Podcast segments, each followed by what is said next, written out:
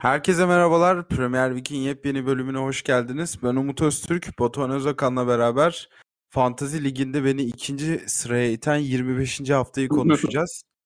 Lanet olsun böyle hafta diyorum Batuhan'cığım öncelikle ve kısa bir değerlendirme yapmak adına topu sana atıyorum. Nasıl bir hafta oldu 25. hafta? Yani Fantasy Premier Lig'le başladın.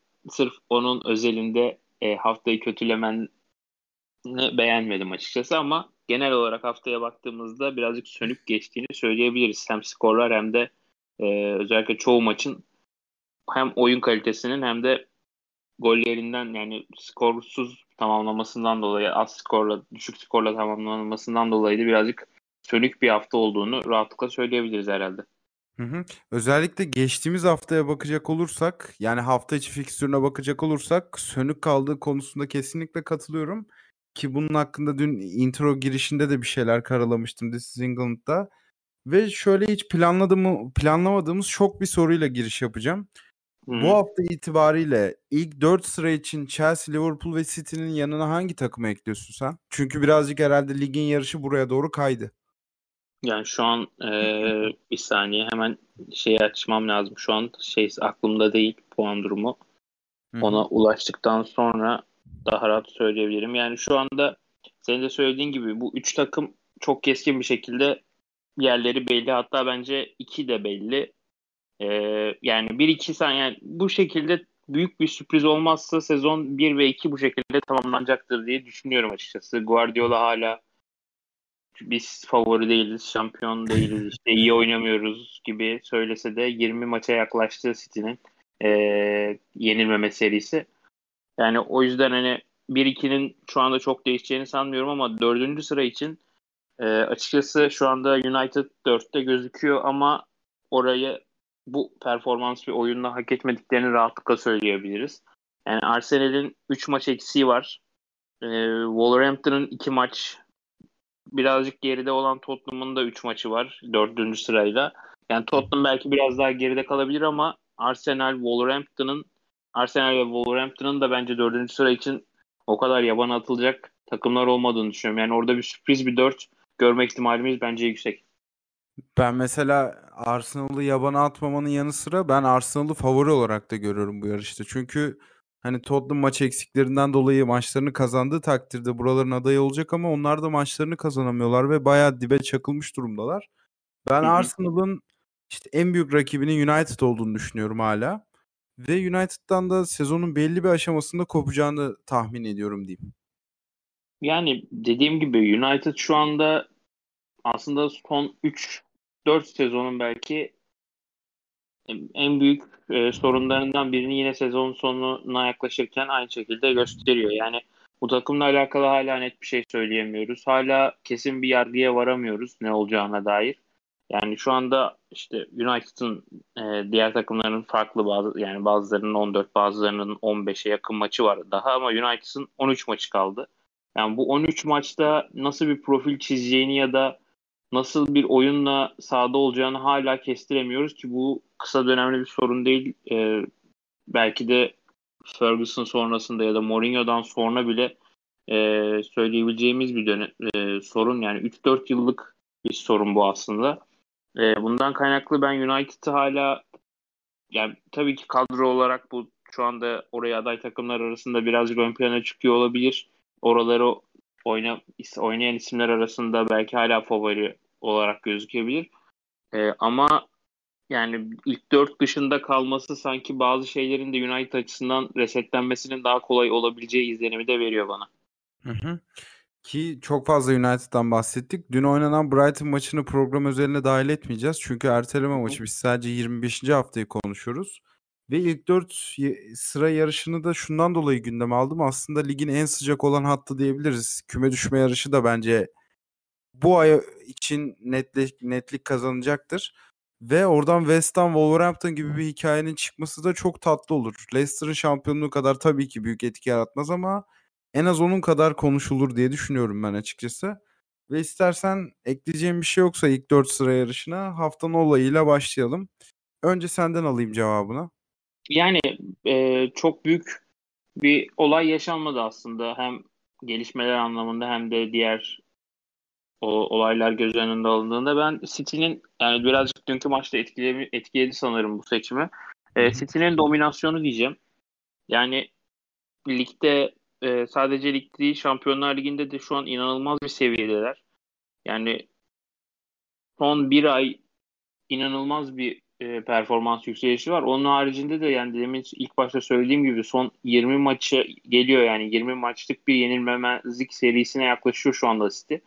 Yani şu an oyun olarak tekrar o işte arka arkaya kazanılan iki şampiyonluğun o e, o şampiyonluklardaki oyuna yaklaşan bir City var önümüzde. Yani şu anda ligin çok açık ara favorisiler ve bunu her maç tekrar tekrar gösteriyorlar. Peki Guardiola'nın asla kamçıyı elden bırakmayan açıklamalarına ne diyorsun? Bence iş birazcık şova kayıyor ve antipati uyandırıyor. Çünkü Norwich maçından sonra Şampiyonlar Ligi'ne katılmak için 5. sıradan çok uzağız ve avantajlıyız gibi bir şey söyledi. İşte dün Lisbon maçında ilk yarının 4-0 tamamlandığı bir Lisbon maçında hala basit top kayıpları yaptıklarını ve daha iyi olmaları olabileceklerini de- deklare etti. Bunlar hakkında ne düşünüyorsun açıkçası? Yani ki o ki o basın top, dünkü maçın basın toplantısında da insanlar beni yanlış anlayacak ve e, öyle öyle bir cümleyle başlamıştı. Yani işte yanlış anlaşılmak istemem, bana kız beni eleştirecekler, bana kızacaklar gibi bir cümleyle başlamıştı. Yani şov kısmına çok katılmıyorum. Çünkü Guardiola'nın ne kadar detaycı ve hani her şeyin mükemmel olmasını isteyen bir antrenör olduğunu biliyoruz. O yüzden bazı kısımları normal geliyor ama çok fazla bunu yani her maç her maç sonrasında bunu de söylemek her maç sonrası yani işte 4-0 kazanılan Norwich işte bu dün kazanılan 5-0'lık e, Sporting maçı bunu sürekli dile getirmek de birazcık senin söylediğin gibi antipati uyandırıyor ama yani işte Guardiola'yı birazcık bilenler bunun aslında neden kaynağı neden bunu sürekli söylediğini de bence net bir şekilde anlıyor. Kesinlikle. Bu yeni bir özelliği de değil. Mesela hani bir maç 6-0 kazanılmıştır. City dominasyonunu yine kurmuştur.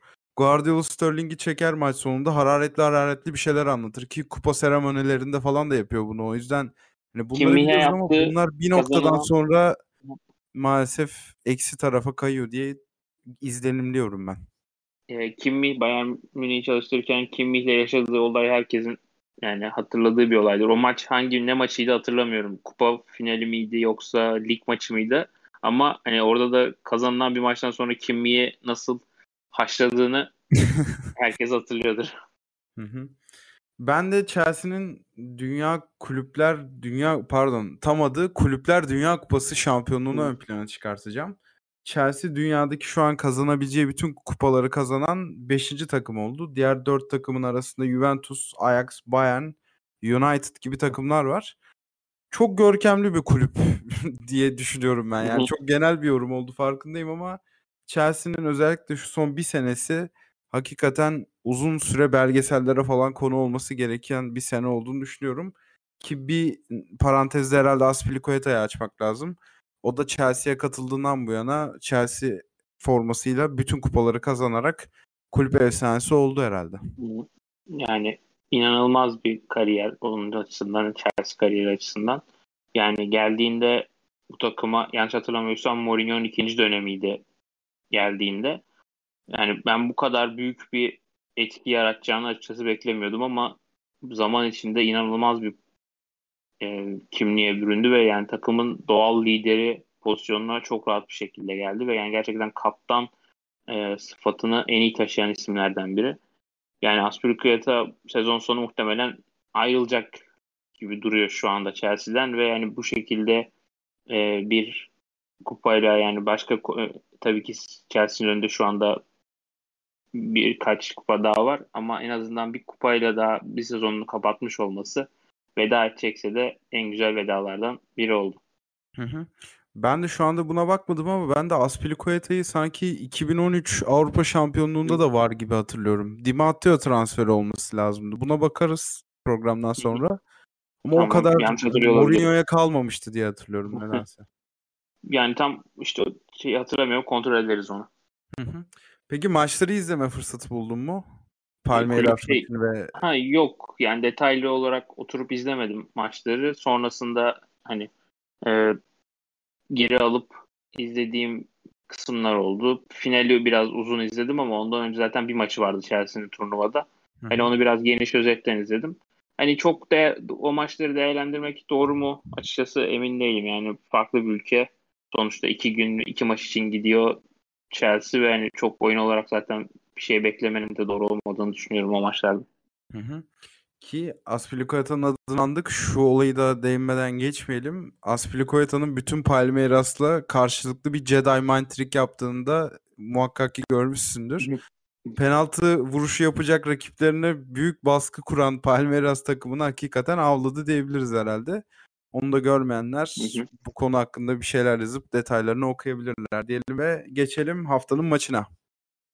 Yani ilk başta açılışta da söylediğim gibi çok öne çıkan maçlar olmadı. Yani belki hani, tempo olarak düşük geçen bir haftaydı ama e, sanırım ben e, Leicester West Ham maçını seçeceğim. Yani hem tempo olarak hem oyun olarak iki takımın da çok iyi bir e, performans sergilediğini rahatlıkla söyleyebiliriz. Yani West Ham öne geçti. Sonrasında Leicester çevirdi. Sonra tekrar berabere geldi skor. Yani hiç e, oyun oyun e, West Ham golü bulduktan sonra açıkçası o oyunla ben Leicester'ın geri dönebileceğini de düşünmüyordum ama e, bir şekilde e, puan aslında 3 puana giderken puandan oldu Leicester. Dolayısıyla hem yani bence ki haftanın en keyif veren maçıydı. O yüzden ben Leicester West Ham seçtim. Hı hı. Beni aslında o kadar cezbeden bir maç olmadı. Haftanın karşılıklı olarak en yüksek gol sayısına ulaşan maç olsa da ben Hı. Tottenham Wolverhampton maçının belli açılardan daha iyi olduğunu düşünüyorum açıkçası Leicester maçından. Bir kere iki yakın seviye takım diye özetleyebilirim ben Tottenham ve Wolverhampton'ı ki puan sıralamasında da çok dip dibeler. Hatta Wolverhampton Aslında... bu galibiyetle beraber geçti Tottenham'ı yanlış bilmiyorsam. Hı hı. Kontrol edeyim. Öyle öyle. 37 evet, evet. 36 oldu puanları. Maç fazlası var Wolverhampton'ın bir tane de. Tottenham'a göre yani. Ki yani genele bakacak olursak da Tottenham bence Southampton maçından daha iyiydi. Özellikle ileri hatta ama savunmada yapılan Hugo Lloris işte kim sayabiliriz? Ben Davis, Sesenyon ki ilk yarıda oyundan alındı Sesenyon.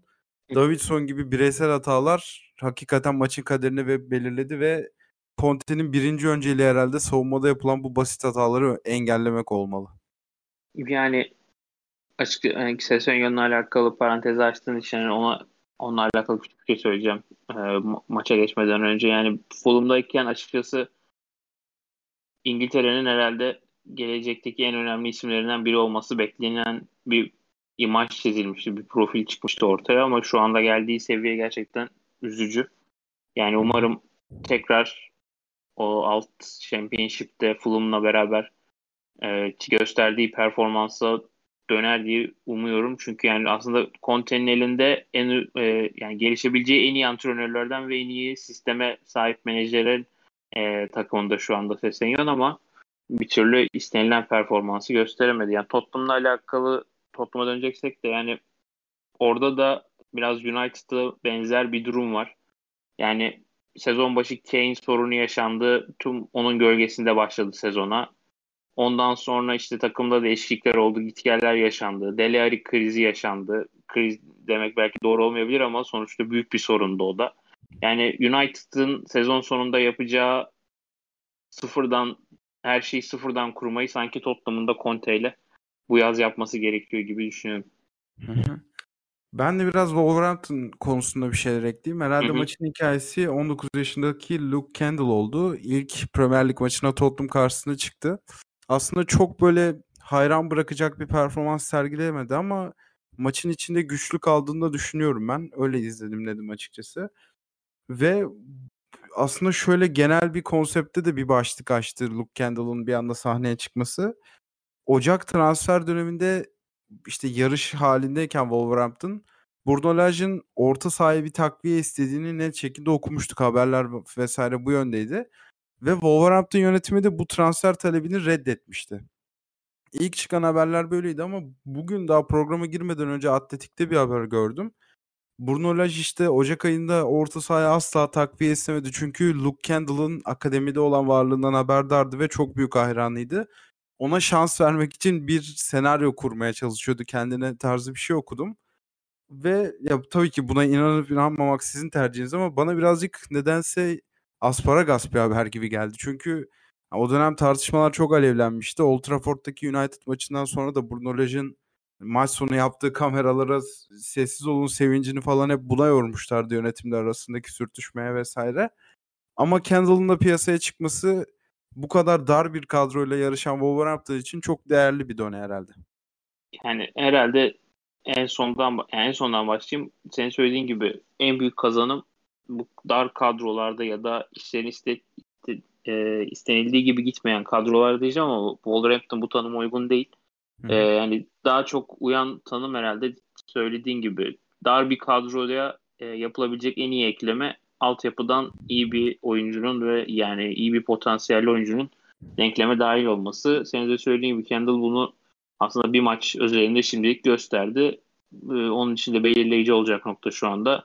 Bunun ne kadar sürdürülebilir olacağı gibi gözüküyor. Hı hı. Ki Kendall için de şu anda kadroda olumlu bir senaryo var gibi gözüküyor. Çünkü hı hı. yani iki tempolu oynaması gereken orta saha oyuncularından biri Ruben Neves artık bayağı yıldız oldu. İkincisi 35 yaşında Juan Moutinho çok fazla sık sakatlanan bir oyuncu değil ama sonuçta yaşı belli. İkincisi orijini stoper olan Dan Dornker ve dördüncü seçenekte artık Kendall olarak kalıyor. Yani düşündüğümüzden daha fazla da süre alabilir Kendall sezonun geri kalanında.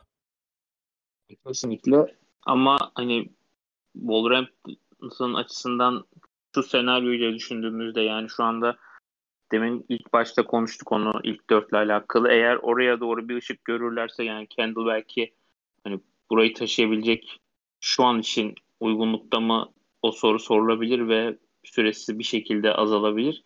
Ama kısa vadede böyle bir sorun yaşansa bile en azından artık şu anda bu takımın altı yani A takımın bir parçası olduğunu herhalde gelecek sezondan itibaren rahatlıkla söyleyebiliriz. Kesinlikle öyle. Diyelim ve geçelim haftanın sürprizine.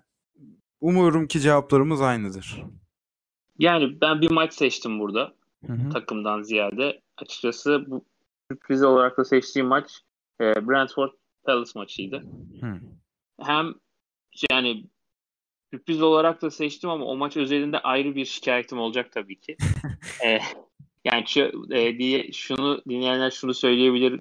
Bu kadar şeyin arasında buna mı hani taktın gibi bir şey olabilir ya da maçını izle diyenler de çıkabilir ama yani Brentford'un sahası aynı zamanda rugby için de kullanılıyor ve o mavi çizgilerin yani seyir zevkini bozduğunu söylemek istedim bu e, şey, konu başlığını açmışken. Yani Premier Lig gibi bir seviyedeyken hala bu şekilde kalması birazcık beni üzdü. Yani bu kadar üst en üst seviyede her şeyin mükemmele yakın ilerlediği bir ligde bunları görmek beni birazcık o maçı izlerken üzdü. Yani sürpriz olarak da seçme sebebim aslında Palace'tan rahat bir galibiyet beklememdi burada. Hı hı. Son haftalarda istediğini alamayan bir takım var yani Palace açısından. Skorlar e, skor olarak son haftalarda e, bir tek FA Cup'ta e, bir galibiyet aldılar. Onun haricinde aslında ligde çok uzun zamandır yani 28 Aralık'tan beri bir galibiyetleri yok ve alınan son iki galibiyet ikisi de FA Cup. Biri 3. tur, biri 4. tur. Yani iyi başladıkları sezonda birazcık e, sallandılar. Şu anda da aslında onun yankıları devam ediyor. Hani Palace açısından tabii ki kimse şu anda üst sıralar oynamalarını beklemiyordu ama sezon başında vaat ettikleri şeyi düşünürsek de birazcık son dönemde beklentinin altında kaldıklarını söyleyebiliriz. Hı hı. Ya ben hem Aston Villa'yı hem de Crystal Palace aslında nazaran kontak kapatan kulüpler sınıfına koymaya başladım. Çünkü bu takımların Ligde ne üst sıralara oynamak kaldık. gibi bir hedefi var ne de düşme tehlikeleri var. Zaten Patrick Vieira'nın da ilk geldiğindeki misyonu ve hedefi kulübü ilk 10 sıra içinde tutmaktı. Sezon sonunda onu başarırsa bir şekilde çok büyük övgü toplayacaktır ama ya bir de önceki sezonlarına bakarsak Crystal Palace'ın yine de çok memnun ayrılacaklardır herhalde bu sezonun sonunda. Ki yani zaten hani aslında senin söylediğin gibi sezon başında planlanan hedef yani Roy Hudson'ın son 4 senede işte o küme düşeceğiz mi düşmeyeceğiz mi evet. e, yaşamamaktı bu sezon. Yani şu anda onu büyük oranda en azından e, başarmış gibi duruyor Pels. Ben de Brentford Palace maçından konuyu açmışken Simon Hooper'la ilgili bir şeyler ekleyeceksin sandım. Bence skoru doğrudan etkileyen iki tane yanlış hatası var. Birinci o Guehi'ydi galiba elle oynayan Nerdgarden pozisyonunda. Bence o net bir penaltı. Orada foul benim görüşme göre yok. İkincisi de Rico Henry'nin Zaha'yı belinden tutup indirdiği pozisyon da net bir penaltı bence. Yani Henry'e katılıyorum ama diğerinden emin değilim. Yani benim için nizami gibi geldi ama tabii ki hakem tartışmasıyla programımızı da domine etmeyelim. ben de geçeyim dünyanın en iyi takımı olan Everton'a. Haftanın sürprizi benim adıma Everton oldu. İki haftada değişti mi dünyanın en iyi takımı? Kesinlikle öyle. Yani bir kere inanılmaz bir enerji vardı ve inanılmaz bir atmosfer vardı Goodison Park'ta. Yani sadece o maça çıkarkenki atmosfer vesaire de Rafa Benitez gibi negatif bir figürden Frank Lampard'a geçişin ne kadar doğru ve vizyoner bir hamle olduğunu gösteriyor Everton'dan beklemeyeceğiniz şekilde. Ki ya bu Goodison Park'ın oluşturduğu atmosfer birçok futbolcunun da rakip futbolcunun da dilinde. Bu hafta Daniel James maçtan sonra yani maç içinde yorumlar yaparken doğrudan faktöründe X faktöründe Goodison Park tribünleri olduğunu söylemiş. Ki buna benzer bir şeyi 2-3 ay önce Declan Rice da söylemişti. Oynadığım en korkutucu atmosfer Goodison Park'tı falan filan diye. Yani tribün atmosferi bir kenara Everton oyun olarak da tamamen domine etti ve özellikle ilk yarıda ikinci yarıda birazcık eli eteği çektiler hücumdan ama ilk yarıda Leeds United hakikaten çaresiz bıraktı. Burada da herhalde ön plana çıkan bireysel performanslar Donny van de Beek'i söyleyebiliriz. Gerçekten özlemiş futbolu ve tabii ki Frank Lampard'ın yıldızı en azından yıldız adayı e, Anthony Gordon. Yani Van de Beek dediğin için ona bir şey söyleyeceğim. Benim bir United taraftarı olarak kanayan yaralarımdan biri açık bu dönemde. Yani umarım bu şu Everton'da daha da iyi performans gösterir ve hani neyi yapam yani neyi kaçırdı United'ın daha tabii ki takımdan kesin olarak ayrılmış değil ama United'ın neyi kaçırdığı ya da neyi hangi konuda e, elindeki var olan bir değeri kullanamadığını en net şekilde gösterir. Yani United'da kalabileceğini Pochettino gelmezse çok sanmıyorum Van de Beek'in artık. Ama e, yani nasıl bir oyuncu ve takıma nasıl pozitif katkı verebileceğini bence en net gösterdiği maçlardan biri oldu bu. E seni Erik Tanak gelince bol bol izlersin ya United'da da Van de Beek'i.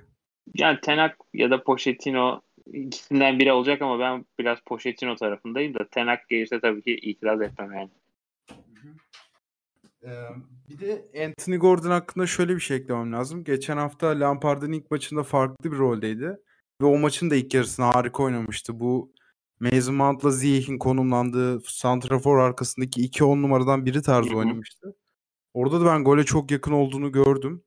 E, bu hafta daha bildiği klasik bir pozisyona geçti. 4-4-2'de Kenan'ın önündeki sol kanada yerleşti ve bu haftayı da bir gol bir asistle tamamladı. Hakikaten heyecan verici bir oyuncu olarak devam ediyor Anthony Gordon. Yani geçtiğimiz hafta da konuşmuştuk. Eğer hani Lampard özelinde bu takımı ligde tutarsa en büyük e, menajerlik şu an için e, başarılarından biri olacak diye ama bunu yaparken Gordon gibi genç oyuncuları da sisteme dahil etmesi ve bunun yani yeni sezonla birlikte birkaç isme daha çıkması herhalde e, hem kendi açısından hem de takım açısından çok büyük bir kazanım olacaktır ki hani Chelsea ile ilk e, sezonunda yani Chelsea, Chelsea kariyerinde aslında transfer yasağı ve altyapıdan oyuncularla başladığında hatırlamak e, ve bu konudaki e, başarısını da göz ardı etmemek gerekiyor. Kesinlikle öyle. O konuda çok heyecan verici bir birliktelik olabilir Lampard Everton beraberliği. Haftanın takımında yine önce senin adayını alarak başlayalım istersen. Yani birazcık e, tam net olamadığım kategorilerden biri ama ben Liverpool diyeceğim burada. Yani Hı. biraz zorlandıkları bir maçı kazandılar ve aslında oyun olarak da bence biraz Burnley zorladı. Yani ligin iyi takımlarından hani iyi kapanan ve e, bu tarz sorun çıkartmayı başaran iyi takımlarından biri Burnley. Yani Liverpool'un burada puan kaybı yaşaması muhtemeldi ama oradan galibiyeti alıp 3 puanla dönmeleri bence en azından ligin bir şekilde devam etmesi açısından da önemli olduğunu düşünüyorum. Onun haricinde yani Liverpool'un hala birazcık City ile şu an puan farkı var. E, birazcık uzaklaşmış gibi duruyor Liverpool ama e, yani zaten şu anda City'ye sorun çıkartabilecekse şey, bir tek Liverpool çıkartacak. O yüzden hani bu tarz galibiyetlerin de e, ayrıca önemli olduğunu düşünüyorum. Ben açıkçası bu hafta Liverpool'dan daha görkemli bir oyun bekliyordum. O Hı. Afrika Kupası'ndan gelen oyuncuların denkleme dahil oluşuyla vesaire ama takım genelinde bir tutukluk sezdim ki Liverpool bu hafta puan kaybetmediyse en azından gol yemediyse burada Alisson'a büyük bir pasta dilimi vermek zorunda ki Weghorst'un da hazırlayıcılığı kadar iyi bir bitirici olmaması burada büyük bir avantaj oldu Liverpool adına. Epey pozisyon verdiler çünkü. Ve ben bu maç özelinde Salah, Firmino, Mane üçlüsünün de birazcık enteresan bir tercih olduğunu düşünüyorum ama büyük ihtimal bunu da bu akşamki Inter maçını düşünerek ortaya koydu Jurgen Klopp. Ne olursa olsun şampiyon belki olamayacak ama çok kritik bir galibiyet oldu. Eğer şampiyon olursa da hikayesinde bayağı önemli bir yere sahiplik edecek Turf Moor. Kesinlikle demin ee, yani şampiyon olamayacak belki biraz erken konuşuyoruz ama yani mevcut şeyler düşünüldüğünde açıkçası birazcık City'nin çok ağır bastığını söyleyebiliriz. Ama yani dediğin gibi şampiyon olursa o 38 hafta sonunda Liverpool bu hafta kazanılan 3 puan eminim büyük bir rol oynayacaktır.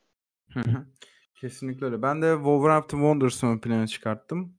Zaten az önce Tottenham Wolves maçında bahs- konuşurken bahsettim birçok şeyden ama gerçekten ya Bruno Lage asla potansiyeline ulaşamayan bir Jose Sa'yla kimsenin gelişimini fark etmediği Kilman'ı bir milli takım oyuncusu seviyesine yükseltmesiyle işte az önce bahsettiğim Kandıl'ı bir anda Tottenham maçında sahaya sürebilecek kadar güveniyor.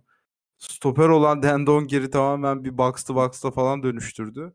Ya ben Wolves üzerinde konuşurken muhabbet bir noktada Bruno Lage'e kayıyor ama ben Bruno Lage ilk 4 sırayı alırsa Guardiola isterse bundan sonraki bütün maçlarını kazansın ben yine yılın menajerinin Lage olacağını düşünüyorum. Hı hı. Bu da yani, tabii ki Wolverhampton'la aynı kesişim kümesi olduğu için birazcık menajere kaydım ama burada da Wolverhampton'a büyük bir kredi vermek lazım. Yani senin de söylediğin gibi eğer 4 e, ilk dörtteki dördüncü takım e, büyüklerden biri değil de yani o West Ham bile olursa bence sezonun menajerliği için Moyes gösterilir ama Wolverhampton olursa tartışmasız Bruno Lage sezonun antrenörü olduğunu söyleye olacağını söyleyebiliriz. Yani onda hiçbir bence de sakınca yok.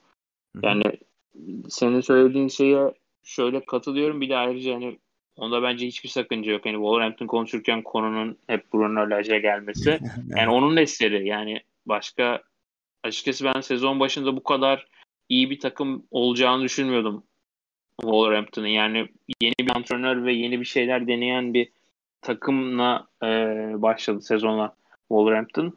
Ama geldikleri seviye gerçekten inanılmaz ve Laj'dan bu kadar keskin ve net bir performans hiç beklemiyordum yani. Ya benim asıl beklemediğim şey defansif olarak bu kadar elit bir seviyeye ulaşmaları çünkü aslında net... bence onun da e, en büyük katkısı Santo'nun bıraktığı izler diye düşünüyorum.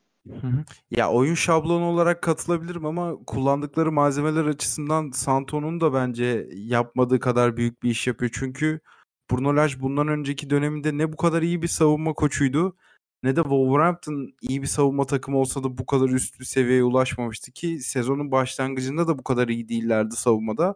Aslında haftalar geçtikçe clean sheet'ler gelmeye başladıktan sonra biraz buna aşık oldular gibi izledim dedim ben bu sene Wolverhampton'a.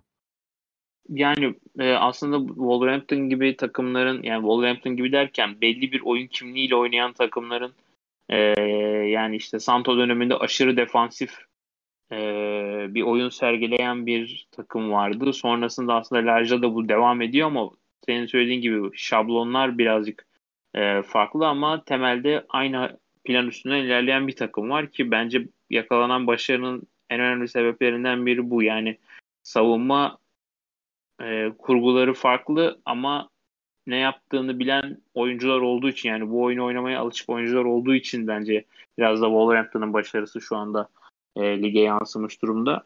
Yani bundan sonra yani işte Premier Lig'de Premier Lig'e yükseldikten sonra aslında Wolverhampton'ın oyun tarzının değiştiğini söyleyebiliriz. Yani Santo ile aşağıda ikincilikteyken bu kadar savunma oyunu oynamıyorlardı ve bunun aksine tamamen çok hücumcu bir yapı vardı. Lige yükseldikten sonra o dönüşüm olmuştu. Yani Santo ile bir yere kadar geldiler ama artık tıkanmıştı. Laj da herhalde şu andaki West Ham ya da bir sonraki Leicester olma yolunda ilerleyebilecekler gibi duruyor şu bu sezon e, gösterdikleri performansla. Kesinlikle öyle. O halde biraz hızlanarak devam edelim istersen. Haftanın menajerinde ben Ralph Hasenhüttl'u seçtim. Bu hafta özelinde kazanamadı ama belli bir süreç belirleyip burada çok seviye yükselttiği için Ralph Hasenhüttl'ın ismini burada geçirmek istedim. Şöyle bir düşünürsek aslında Dragan Solak'ın Southampton'ı satın alması Newcastle kadar gündeme oturmadı ama Solak kulübü satın aldığından beri Southampton'da bir %200 performans artışı var. Ya bu tabii ki ortamın değişikliğiyle falan açıklanabilir ama burada herhalde Tottenham gibi, United gibi, City gibi rakiplere yenilmemesinde en büyük faktörün artık net bir ilk 11'i oluşturduğunu düşünüyorum ben. Yani şöyle Premier Lig'i yakından takip eden biri Southampton maçlarını izlemese de nasıl bir ilk 11 ile çıkacağını artık az çok tahmin ediyordur bence. Ona katılıyorum yani. Belirli bir e, tabii ki bir, her maç bir iki değişiklik şekilde yaşanabilir ama en azından en az bir 7-8 oyuncunun e, hatta 9 oyuncunun sabit kaldığı takımların daha istikrarlı olabileceğini rahatlıkla söyleyebiliriz ki Southampton'ın son dönemdeki performansı da bununla direkt doğrudan ilişkili. Hatta ben Brighton'ın o sahip olduğu büyüklerin oynamak istemediği takım hüviyetinin de Southampton'a geçtiğini düşünüyorum. Hatta bu konuda Wolverhampton'ın bile önündeler. Yani şöyle bir düşünecek olursak Big Six dışındaki en iyi, en zorlanabilecek iki takımdan biri olduğunu düşünüyorum ben Southampton'ın. Ki bunun da yine bahsettiğim gibi mimarı Ralph Hasenhüttl. Sen Hı-hı. burada hangi menajeri ön plana çıkartıyorsun?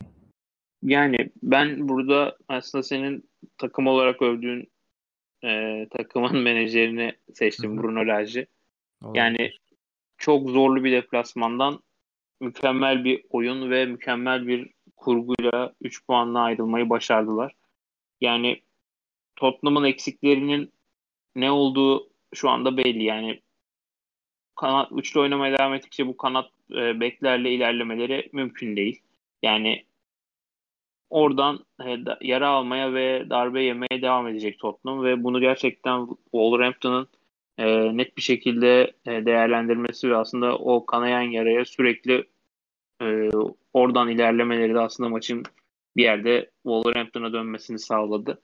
Yani hem e, böyle zorlu bir zorlu deplasman aslında isimden dolayı zorlu diyorum. Yoksa şu anda Tottenham'ın çok büyük bir e, oyun olarak bir e, yenilmemezlik durumu yok aslında. Hı hı. Yani oradan 3 e, puanla ayrılıp dönmeleri haftanın menajeri için e, Large'ı seçmeme, seçmeme benim için yeterli oldu. Kesinlikle öyle. Haftanın futbolcusunda da hiç seni soğutmadan hemen adayını alayım. Yani burada biraz kararsızım aslında ama Sterling diyebilirim. ee, yani e, gösterdiği performans dün inanılmaz bir gol attı. Yani City'deki performansı aslında son dönemde tartışılan isimlerden biriydi ama e, sanki o eleştirileri de şu bir aydaki performansıyla gider gibi geliyor. Kesinlikle öyle ki Aralık ayının da futbolcusu olmuştu. Oradan Hı. beri hiç geri adım atmadan devam ediyor Sterling ve dün Sporting'e attığı golle City tarihinin en golcü 10 ismi arasına girmeyi başardı Sterling. Norwich'e karşı da zaten hat-trick yaptı. Hafta sonunun en çok konuşulan bireysel performanslarından biri oldu. Hatta yani şöyle şeyler de okumaya başladım Reddit saplarında falan. Yani futbolu bıraktıktan sonra City'ye kendi heykelini yaptıracak kadar büyük bir efsaneyi izliyor olabiliriz City adına. Hani Yok. Sterling profili çok fazla efsane gibi gelmiyor bize açıkçası ama en az bir 3-4 sene daha bu şekilde gol atmaya devam ederse neden olmasın diyorum ben de. Hatta şu anda Yok. da bile City tarihine geçmiş olabilir Sterling ya. Yok yani tarihe geçmiştir. Tarih yani City tarihinin en önemli oyuncularından biri olarak yer alacaktır. Ona katılırım ama daha heykel dikilecek seviyeye bence ulaşmadı. Bunu 2025'te tekrar konuşuruz bu konuyu. Şimdi bir virgül bırakalım. Bir de dün şey vardı. Ferdinand program sırasında um, Harry Kane'den daha fazla gol attığını öğreniyor. Sterling'in daha az şut çektiği bir şeyde. Ve o da bu çılgınlık gibi bir tepki veriyor. O da bu haftanın güzel mimlerinden biri oldu. Ve geçelim haftanın golüne. En sevdiğimiz kategori. Ben Mopey'in kaval kemiğiyle vurduğunu tahmin ettiğim vuruşunu seçiyorum. Çünkü net bir ayak yok orada. Enteresan bir yeriyle vuruyor ve mükemmel bir yere gidiyor o top. Yani ben de onu seçtim. İlk defa bu hafta ilk, ilk, ilk kez aynı kategoride e, denk geldik. Yani orada kasıt vurmak isterken birazcık da şansının yardımıyla o gol ortaya çıktı. Yani onun haricinde de aslında çok e, mükemmel diyebileceğimiz çok fazla da zaten gol olmadı. Hani olan goller arasında da en iyisi kesinlikle buydu ki aslında bir yerden hani belki Che Adams'ın golünü de seçebiliriz dolaylı yani, olarak.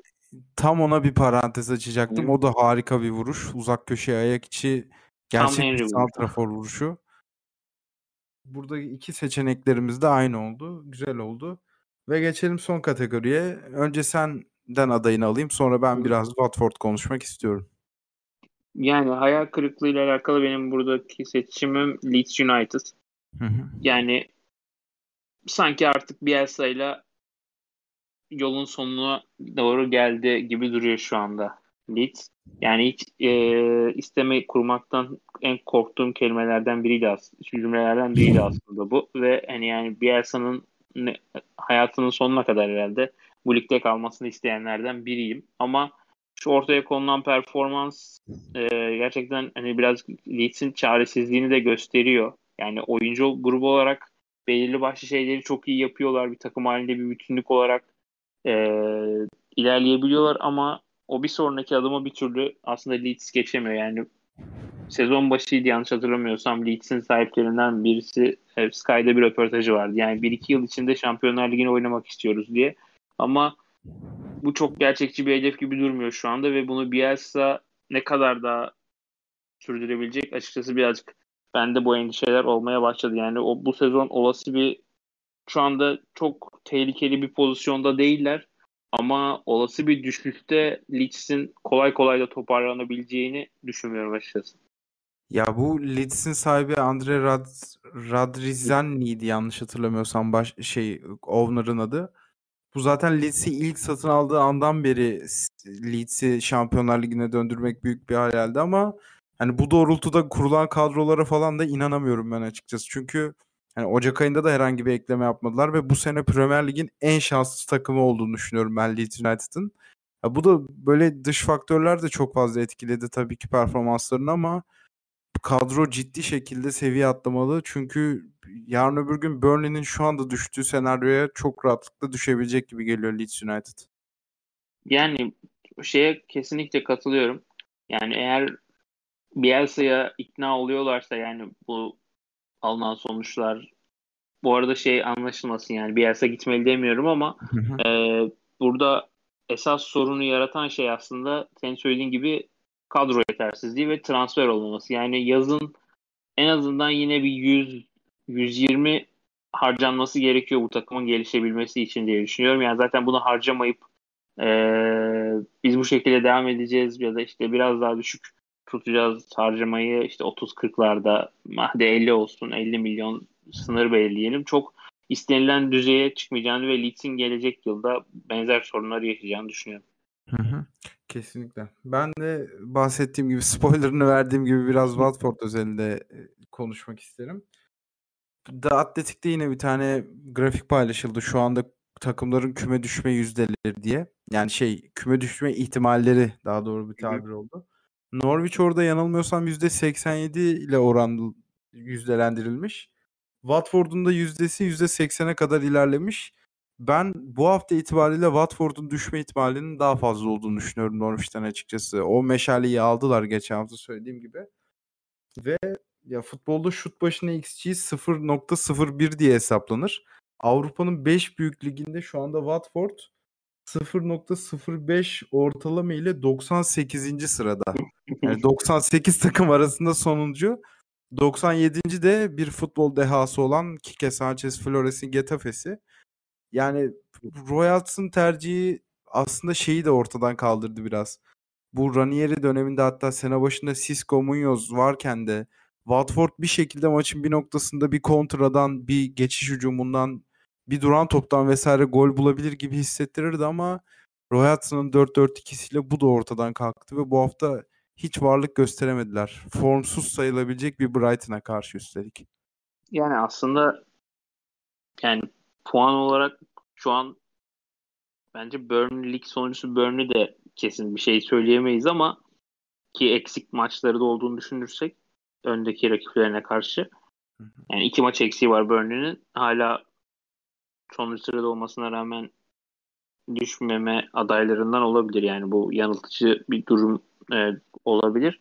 Fakat Watford'la alakalı yani şu anda herhalde senin de söylediğin gibi yani bir şeyler değişiyor ama en de sonunda işte Ranieri ile de olmuştu. Yani Ranieri geldi birkaç maç bir farklılık oldu. Bu 5 maça yayıldı ama sonra tekrar aynı sorunlara dönüldü. Royals'ın ilk maçında da farklı bir takım kimliği ve ortaya konan oyun vardı ama bu sefer daha kısa sürdü ve sonrasında işte ikinci, üçüncü maçlarda da tekrar Watford esas soruna döndü. Yani burada Watford'un aslında son yıllarına baktığımız zaman sürekli menajer değiştiren bir takım olduğunu görüyoruz. Hı hı. Ki en büyük sorunlarından biri de bu aslında takımın.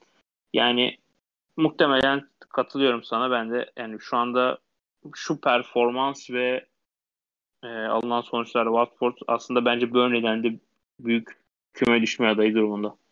Kesinlikle öyle. Ki az önce bahsettiğin o yeni gelen menajer bir parlıyor sonra hemen düşüyor falan. Bunun da sebebi çok fazla menajer değiştirmek bence. O konuda sana katılıyorum. Belli bir yapı kuramadığınız zaman geçici çözümler fazla da istikrarlı şekilde olmuyor. Ve o zaman 25. haftaya konusunda neredeyse her şeye değindik diye düşünüyorum. Evet yani e, senin en başta söylediğin gibi dün oynanan Manchester maçını konuşmamıza gerek yok. Ki zaten hani o maçta da ekstra aslında iki takımla alakalı benim söyleyeceğim çok bir şey yok. Daha önceki haftaları e, su konuştuğumuz şekilde hani onlara çok ekleyeceğim bir şey yok. Her şeye değindiğimiz bir program oldu. Hı hı. Ben hala o maçı izlemedim ve izlemeyi de hiç istemiyorum şu anda. Ama bir noktada bakmam gerekecek diyelim ve teşekkür ederim sana eşlik ettiğin için. Ben de sana teşekkür ederim. Bizi dinleyen de herkese çok teşekkür ederiz. Her türlü soru ve görüşü bize yazabilirsiniz efendim. Bir sonraki hafta görüşmek dileğiyle. Hoşçakalın. Hoşçakalın.